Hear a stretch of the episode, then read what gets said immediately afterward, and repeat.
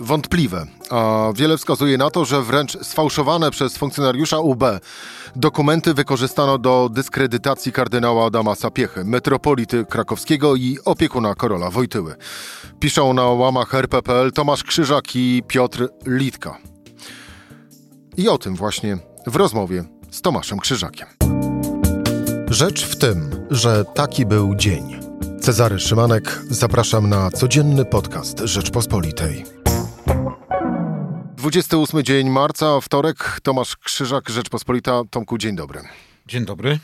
Tomek, y, spróbujmy wpierw y, pokrótce opisać bohaterów tej historii. Y, mamy ich czterech. Po pierwsze, kardynał Stefan Sapiecha to... Kardynał Stefan Sapiecha to metropolita krakowski, długoletni metropolita w Krakowie, mm, stojący właściwie na czele tej diecezji przez 40 y, lat. Od 1911 roku jako biskup krakowski, potem od 1926 roku już jako arcybiskup metropolita, mm, bo wtedy została archidiecezja krakowska podniesiona, mm, jej ranga do arcybiskupstwa. E, w 1946 roku kardynał, książę kościoła, mm, nieustraszony, nieugięty, tak o nim mówiono, no bo y, Hans Frank, y, który rezydował na Wawelu w czasie II wojny światowej, także liczył się z y, osobą kardynała Sapiechy. Mm, bardzo ważna postać dla Kościoła w Polsce. Myślę, że też w tych pierwszych latach powojennych bardzo, bardzo ważna i istotna. No i, tu stawiamy kropkę. Postać kolejna, ksiądz Anatol Boczek. To Ksiądz Anatol Boczek to duchowny e, archidiecezji krakowskiej, e, który święcenia kapłańskie przyjął, ile dobrze pamiętam, w roku 1943. Człowiek niezwykle skomplikowany osobowościowo, nie potrafiący się e, w tym kapłaństwie swoim mm, odnaleźć. Człowiek mający różnego rodzaju powiedzmy przygody miłosne, tak to delikatnie nazwijmy. Człowiek, Z który płcią płcią przeciwną. E, człowiek, który w pewnym momencie w tym swoim powiedzmy zagubieniu się mm, kapłańskim mm, porzucił e, na pewien czas e, kapłaństwo jako takie i wyjechał na ziemię zachodnie, pracował jako robotnik, po czym wrócił w pewnym momencie do Krakowa, przeprosił się z kardynałem Sapiechą, został z powrotem jakby przyjęty ale człowiek, który się zaangażował także w działalność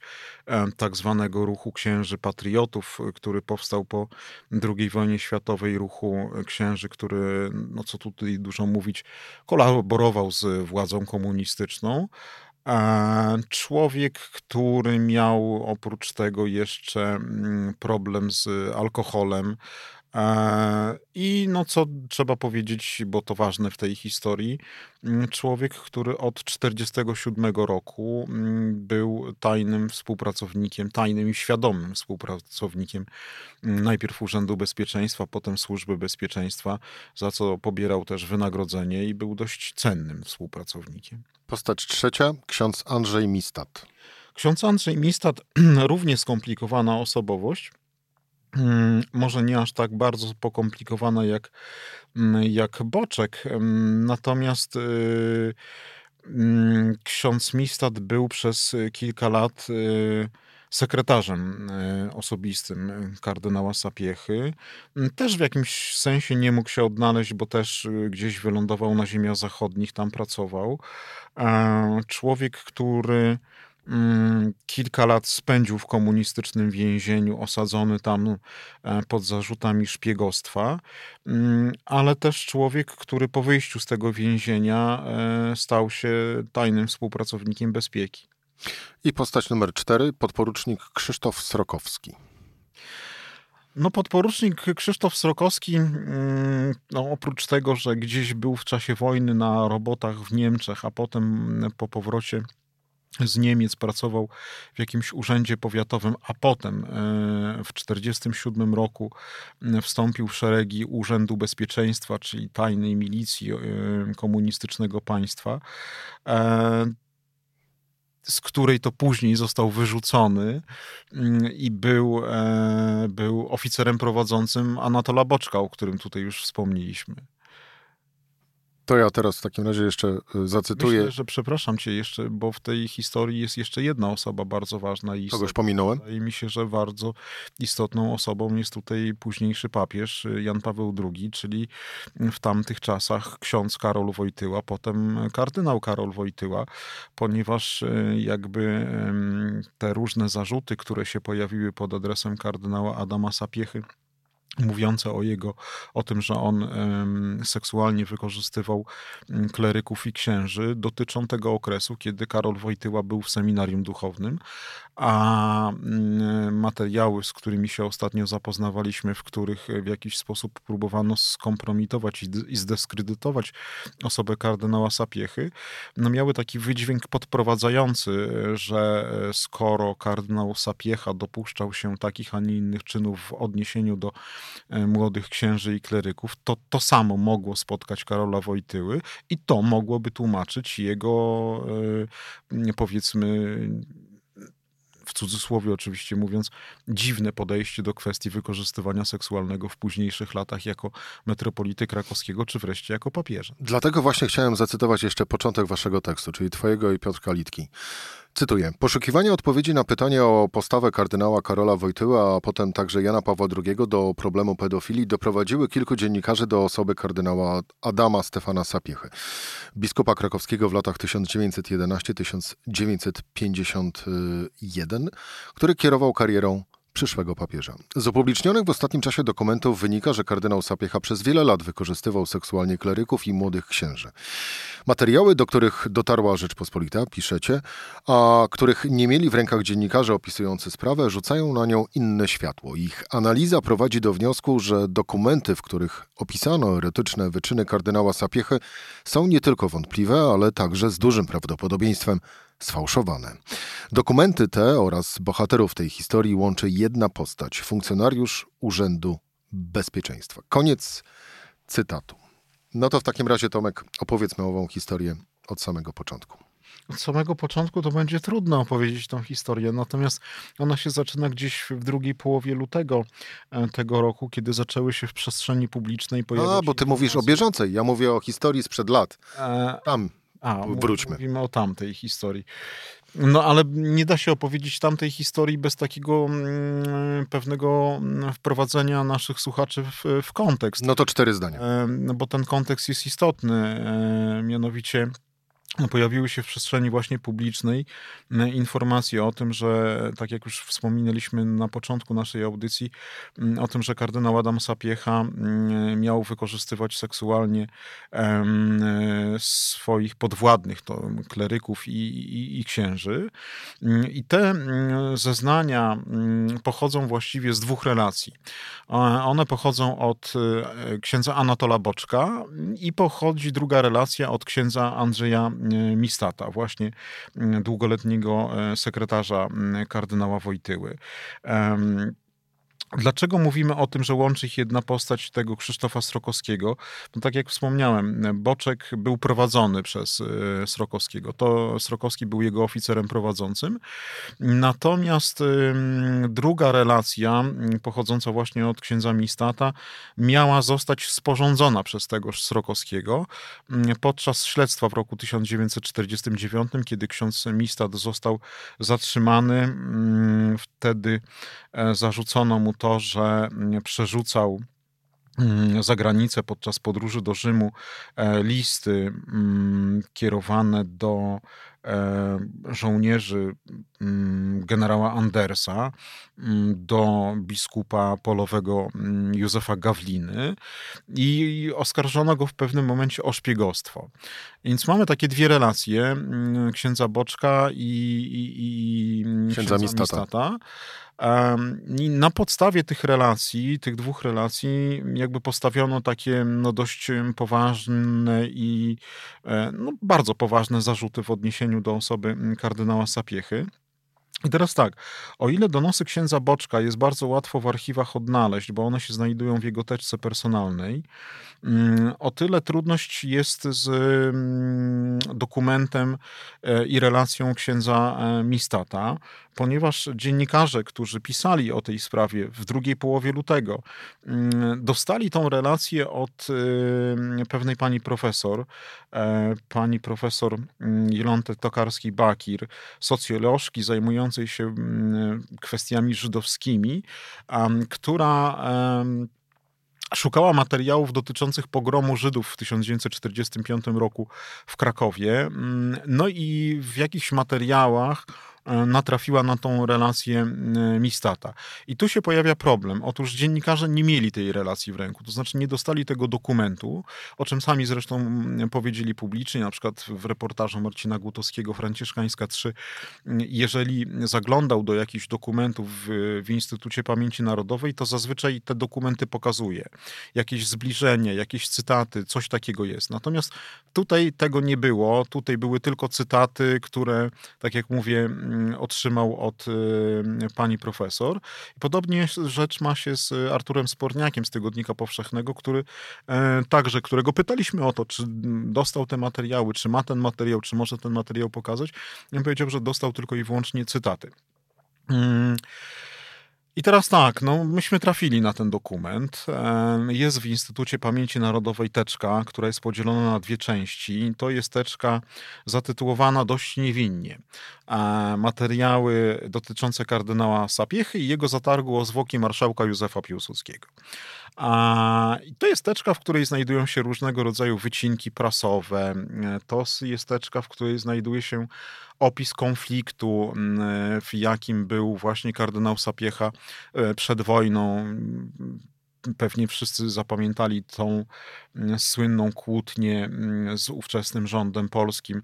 No właśnie, o miejsce pochówku e, Józefa Piłsudskiego, którego to sarkofag kardynał na Wawelu jako gospodarz tejże katedry wawelskiej przesuwał i, i tak dalej, i tak dalej.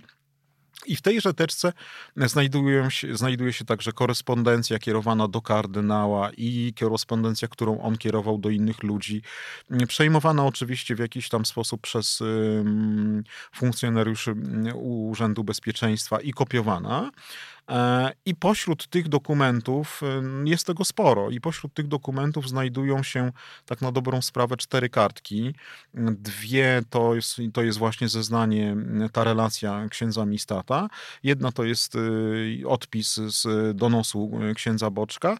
I bardzo ważna wydaje mi się informacja, mianowicie taka, że na jednej z tych kartek zapisano, że to e, jest takie pismo przewodnie skierowane do rąk własnych, do ówczesnej mm, pełniącej obowiązki dyrektora Departamentu V Ministerstwa Bezpieczeństwa Publicznego, słynnej krwawej Julii, jak ją nazywano, Julii Brystigierowej. E, I to są te materiały, te materiały znajdują się właśnie w tej, w tej rzeteczce.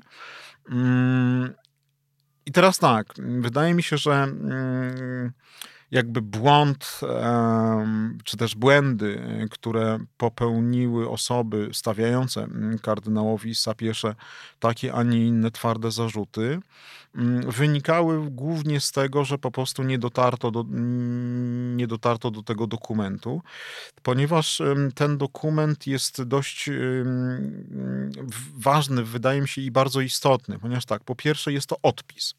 Tam jest wyraźnie zaznaczone, że to jest odpis z jakiegoś protokołu przesłuchania świadka, który to odpis i który to, które to w ogóle przesłuchanie miał prowadzić właśnie Krzysztof Srokowski.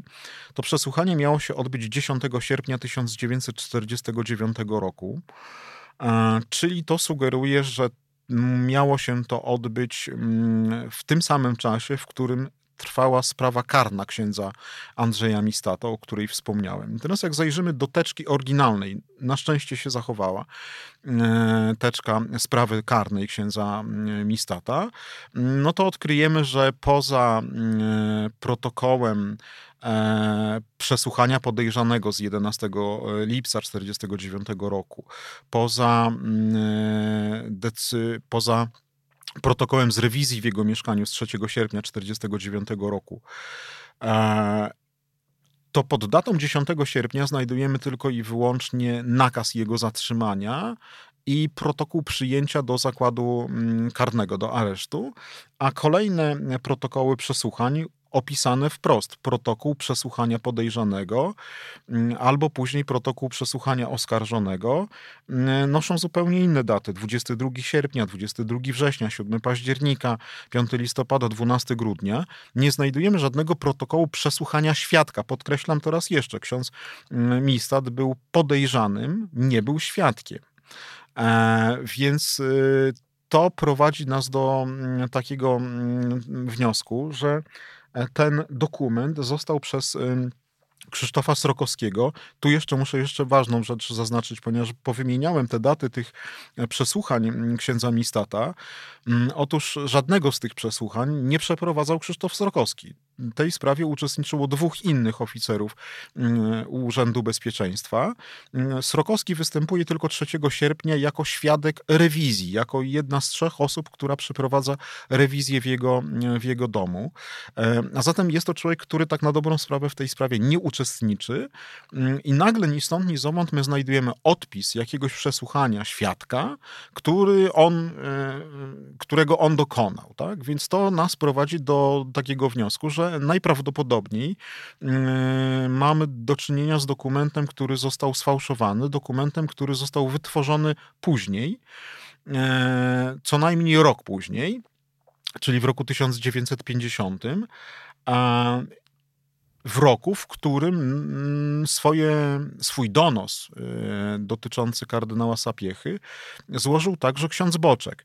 I znowu muszę się tutaj odwołać do pewnych okoliczności, żeby wprowadzić naszych mm, mm, słuchaczy w pewien kontekst powstawania tych, tych materiałów. Otóż 14 września 1950 roku powstaje donos księdza Boczka, w którym on opisuje obszernie, jak to do niego oraz do innych księży właśnie miał się dobierać kardynał Sapiecha. Na szczęście zachowała się teczka pana Krzysztofa Srokowskiego, tego, który sporządził ten protokół przesłuchania, miał sporządzić protokół przesłuchania Mistata. Tu jak rozumiem, bo to też Boczka. ważna informacja, ksiądz Boczek wtedy już był tajnym tak, współpracownikiem. Ksiądz Boczek, ksiądz Boczek był od trzech lat tajnym współpracownikiem. Zresztą bardzo ciekawa historia, też pokazująca w pewien sposób bałagan, który panował w ówczesnej mm, służbie bezpieczeństwa, ponieważ zarejestrowano go w 1947 roku, miał wtedy pseudonim Porwa. Mm, natomiast w 1949 roku podjęto próbę, e, znaczy podjęto e, jakby drugi werbunek. E, I jak się okazuje, służby nawzajem o sobie nie wiedziały, tak? mimo to, że wszystko się odbywa w Krakowie. No ale zwerbowano go powiedzmy drugi raz od 1949 roku, on już nosi pseudonim Luty. E, ale wracając, wracając, do, do. wracając do, do, do tej przerwanej mm, narracji. Mamy 14 września 1950 roku donos księdza Boczka, w którym właśnie on opisuje te różne dziwne praktyki kardynała Sapiechy. Zachowała się teczka mm, personalna mm, Krzysztofa Srokowskiego, z której wynika, że to był moment, w którym jemu się w Krakowie zaczyna palić grunt pod nogami. Ponieważ tak, po pierwsze, pojawiają się w stosunku do niego zarzuty natury kryminalnej. Mm, jedna z zatrzymanych, następnie wypuszczonych na wolność osób zarzuca Srokowskiemu kradzież e, złotej obrączki. E, w maju 1950 roku E, Srokowski po jakiejś zakrapianej mm, libacji w restauracji mm, pobił na ulicy funkcjonariusza milicji obywatelskiej. W związku z tym mm, miał jakieś postępowanie i został ukarany naganą. W czerwcu 1950 roku jest dokument, że jego przełożeni wnioskują do Ministerstwa Bezpieczeństwa Publicznego o to, żeby go przenieść na inny teren i argumentują, że się w ostatnim czasie mm, skompromitował, że poderwany został jego autorytet mm, poprzez niewłaściwe postępowanie z agenturą i piszą wprost, na czym to miało polegać. Poszedł z informatorem, księdzem pić do restauracji. E, dodawali, że na nowym terenie, nam się mówiło o Zielonej Górze, e, no on będzie, mm, prawda, e, wydajniej pracował, że odzyska ten właściwy auto, autorytet. To są okoliczności, w których powstaje dokument wytworzony przez księdza Boczka, ten donos i stawiamy taką tezę, że w tym samym momencie, po to, żeby uratować sobie skórę, e, powstaje również ten dokument dotyczący kardynała Sapiechy, pochodzą, mający pochodzić od księdza Mistata. Czyli e, reasumując, podporucznikowi Urzędu Bezpieczeństwa pali się grunt pod nogami, wtedy on namawia, bądź też może nie musiał namawiać, po prostu zwyczajnie powiedział, y, do dwóch księży aktywnych, tajnych współpracowników i świadomych służby bezpieczeństwa, czyli Boczka i Mistata, aby y, mu pomogli i napisali takie, a nie inne donosy. Nie do końca. E, nie do końca. Wydaje mi się, że sama relacja jako taka mm, pochodzi tylko i wyłącznie od księdza Boczka. E, ksiądz Mistat siedział wtedy w więzieniu, więc trudno byłoby cokolwiek od niego wyciągać, zwłaszcza, że jeszcze nie był tajnym współpracownikiem. Wydaje się, że mm, ponieważ te relacje w ogóle, jak się porównuje te dwa dokumenty, one są bardzo podobne treściowo.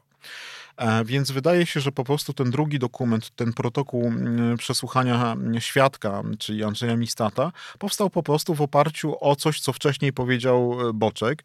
Mm, Mistat w ogóle nawet o tym nie wiedział, że taki dokument y, gdzieś tam, gdzieś tam powstał. Czyli, że możemy mieć do czynienia mm, z daleko idącą fałszywką. Natomiast dalsza historia księdza Srokowskiego, e, przepraszam, porucznika Srokowskiego jest ciekawa, ponieważ on ostatecznie wysyła te dokumenty do, do Warszawy, ale co też jest istotne, na tym dokumencie, który trafił do Warszawy, czego nie ma na tym dokumencie, bo mamy dwie kopie tego zeznania Boczka. Jedna jest w jego teczce pracy w Krakowie przechowywanej, Drugie, druga relacja to jest ta, która powędrowała do Warszawy, ten odpis. Na tym odpisie jest odręczny dopisek kogoś, kto to w Warszawie czytał, być może samej krwawej Julii, że trzeba te informacje zweryfikować, że to jest do weryfikacji ewentualnej. E, ale zostawmy to na boku. E, to nie ratuje e, Srokowskiego, bo zostaje on jednak przerzucony z tego Krakowa na początku 51 roku do Poznania mm, i tam e, pod koniec 51 roku dochodzi do bardzo ciekawej sytuacji. Znowu jest jakaś awantura uliczna, w której on zaczyna wymachiwać bronią i grozi tam bronią interweniującym funkcjonariuszom. Zostaje e, szybciutko zatrzymany. I zaczyna się znowu koło niego robić smród. Mm, okazuje się dość szybko, że mm, człowiek mm, defraudował pieniądze pochodzące z funduszu operacyjnego przeznaczonego na wynagrodzenia dla e, tajnych współpracowników. E, w jego szafie pancernej e, odnajdują się podpisane, podrobione podpisy na e, kwitach in blanco e, odbioru mm, pieniędzy. E, I Srokowski, czując, że coś wokół niego będzie się za chwilę działo, mm, bardzo takiego nieprzyjemnego dla niego, zabiera ze sobą służbową broń i 9 lutego 9 lutego 1952 roku znika z Poznania, przyjeżdża do Krakowa. Przyjeżdża do Krakowa, spotyka się ze swoimi dawnymi kumplami e, z Urzędu Bezpieczeństwa w Krakowie i rozpytuje ich o to, gdzie teraz mieszka Boczek. Ksiądz Boczek. Ksiądz Boczek, tak. Ksiądz Boczek. Oni mu mówią, że mieszka w Poroninie, więc jest informacja z raportu, zaczerpnięta z raportu o zwolnienie dyscyplinarne, zwolnienie go ze służby, w której czytamy, że wczesnym rankiem 52 e, roku, w lutym, 10 lutego, ksiądz, e, przepraszam, pan porucznik Srokowski wsiada e, w autobus, jedzie do Poronina, tam się dowiaduje, że ksiądz Boczek jest aktualnie w szkole w Muzasichlu, gdzie prowadzi lekcje religii, więc jedzie tam do niego go odszukuje, wracają razem sankami, mm, jadą do Zakopanego, w jakiejś knajpie wypijają e, trochę alkoholu, potem jadą do drugiej knajpy na gubałówkę, dalej piją ten alkohol i na tej gubałówce dochodzi do zatrzymania mm, Srokowskiego, czyli dawny oficer prowadzący pije ze swoim współpracownikiem. Jakby tego jeszcze było mało, to w samej teczce mm, Boczka znajdujemy jeszcze ciekawy dokument. Mm, co istotne i co bardzo ciekawe, mm, nie przepisane później na maszynie do opisania, bo było w tamtym czasie coś takiego praktykowane, że najczęściej te donosy mm, były pisane przez funkcjonariuszy one były spisywane ze słów y, osoby, która coś powiedziała. One były spisywane odręcznie, a następnie były przepisywane na maszynie. Tego, o którym mówię, nie przepisano. Pozostał w oryginale po prostu pismo odręczne. Otóż Boczek donosi nowemu oficerowi prowadzącemu w kwietniu 1952 roku, że przyjechała do niego do Poronina żona Krzysztofa Srokowskiego. Prosić go o wsparcie finansowe i wręcz prosi go o to, żeby on pojechał do mm, Poznania na rozprawę przeciwko Srokowskiemu. E, no, niesamowity zbieg okoliczności, nie wiem jak to nazwać, znaczy ja bym to nazwał przyjaźnią. No właśnie, chciałem, chciałem użyć tego sensie. sformułowania. Mm, w każdym razie historia, historia Strokowskiego kończy się w taki sposób, że mm, we wrześniu 1952 roku przez sąd wojskowy w Poznaniu zostaje skazany mm, za fałszowanie dokumentów, za defraudację pieniędzy, za też próby kradzieży jakichś tam dowodów rzeczowych, które należały do, do, do, do osób, y, które były zatrzymywane, zostaje skazany na 5 lat więzienia. Miał, można by było powiedzieć, farta, e, bo akurat była amnestia, w związku, w, związku z tym w wyniku amnestii obniżono mu ten wyrok do, do 3 lat. Mm, I on siedział w więzieniu. Ale co jest bardzo mm, istotne i ważne, bo bez tego się też nie da zrozumieć tej historii i w ogóle tamtych czasów, to to, że niezwykle rzadko zdarzały się procesy, które Ubecja wytaczała swoim, swoim ludziom. To były niezwykłe, niezwykle rzadkie sytuacje.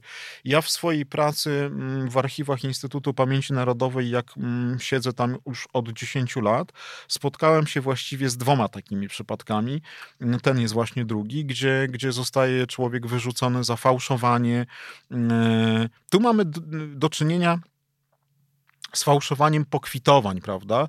I też tam jest enigmatycznie, wprawdzie powiedziałem, zafałszowanie dokumentów. No ale jakby to wszystko poskładać mm, do kupy, no to te puzzle się składają w to, że jest bardzo prawdopodobne to, iż ten dokument, którym e, dysponujemy, ten odpis jakiegoś przesłuchania, powtarzam raz jeszcze, odpis, oryginału nie ma, nie wiadomo gdzie jest i czy w ogóle istniał. E, no to to się składa do kupy, że po prostu za tym wszystkim stał Srokowski, który wytworzył sobie takie materiały, żeby sobie ratować skórę. Wiemy, co się stało ze Srokowskim. E, jak się skończyła historia księdza Boczka? E, księdza Boczka w pewnym momencie sama Ubecja się pozbyła ze swoich szeregów. To znaczy oni uznali, że to jest tak człowiek zdegenerowany i mający tak duży problem z alkoholem, że oni specjalnie już z nim nic wspólnego nie chcą mieć. Mm, wyrzucili go bodajże w latach 60., jak dobrze pamiętam. E, zmarł w latach 90. E, Krzysztof Srokowski też zmarł teraz nie chcę skłamać, ale wydaje mi się, że to był też albo lata 90., albo wczesne lata 2000. Na pewno w Myślenicach, mm, tam jest jego grup na cmentarzu, nawet... Ksiądz Mistat? Od, odnaleźliśmy. E, ksiądz Mistat, ksiądz Mistat y, żył dość długo. E, ksiądz Mistat y, zmarł stosunkowo niedawno. Nawet y, udało mu się e, tak, udało mu się doprowadzić do rewizji tamtego procesu e, i mm, wyrok znaczy sąd e, III Rzeczypospolitej uznał wyrok tamten, e, w którym go skazano, o ile dobrze pamiętam, na 5 lat więzienia za to szpiegostwo, za jakby nie były. A natomiast, no co tutaj dużo mówić, no był przez wiele lat aktywnym mm, współpracownikiem Służby Bezpieczeństwa. W sumie e, jakby jego postawę jestem jeszcze w stanie zrozumieć. Bo znaczy, gdybyśmy go oceniali z naszego dzisiejszego punktu widzenia oczywiście i przyjmowali te miary, które my dzisiaj mamy do niego, no to wiadomo, że to było złe i tak dalej i nie jesteśmy w stanie zrozumieć. Natomiast wydaje mi się, że człowieka, który został mm, skazany na 5 lat więzienia, siedział w stalinowskim więzieniu, mm, wyszedł z tego więzienia, łatwo było złamać do, do, do jakiejś tam współpracy, mm, e, bo to byli ludzie, którzy się w dużej części, w dużej mierze po prostu zwyczajnie bali. E, to byli ludzie, którzy mieli za sobą nierzadko doświadczenia e, obozów y, czasie II wojny światowej różnego rodzaju prześladowań. W związku z tym łatwo było ich złamać. W, nie, w jednym z dokumentów w jednym z dokumentów, zdaje się, że chyba w teczce Boczka, nawet znajduje się taka relacja, e, którą przytacza Boczek po spotkaniu z arcybiskupem Baziakiem, następcą e, kardynała Sapiechy mm, w, w Krakowie. To jest relacja bodajże pochodząca z okolic mm, procesu kurii krakowskiej, który się zaczął w 1953 roku. I arcybiskup Baziak, który też wcześniej siedział w więzieniu, mm, miał zareagować na to, że oskarżeni w procesie kurii krakowskiej przyznają się do winy w taki sposób, że mm, pamiętając czas, w którym ja byłem w więzieniu, nie dziwię się temu, że się przyznali. Bo, bo po pięciu minutach jesteś się w stanie przyznać do wszystkiego. Tomasz Krzyżak e, rzucał więcej światła e, na historię e, z końcówki lat 40. i początku lat 50. Ale musimy stulecia. sobie jeszcze uczciwie powiedzieć, że to jest tylko niewielki mm, snopek światła, e, bo dalej trzeba jeszcze te archiwa, potężne archiwa Instytutu Pamięci Narodowej mm, penetrować, badać e, i uważnie tak na dobrą sprawę czytać każdy dokument, e, łącznie z tymi różnymi zapiskami, które tam się znajdują.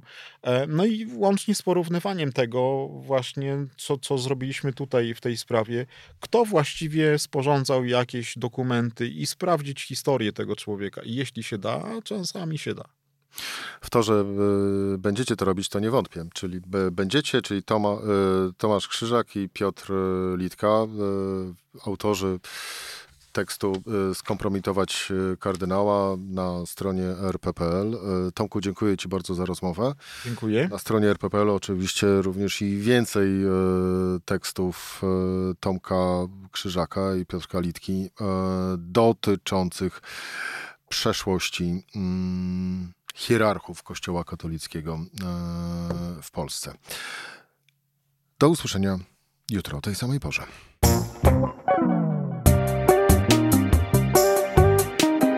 Rzecz w tym to codzienny program Rzeczpospolitej. Od poniedziałku do czwartku o godzinie 17.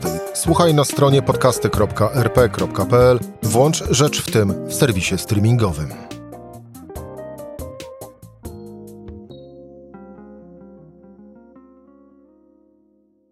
Poznaj mocne strony Rzeczpospolitej. Wejdź na prenumerata rp.pl. Polecam. Bogusław Rabota, redaktor naczelny.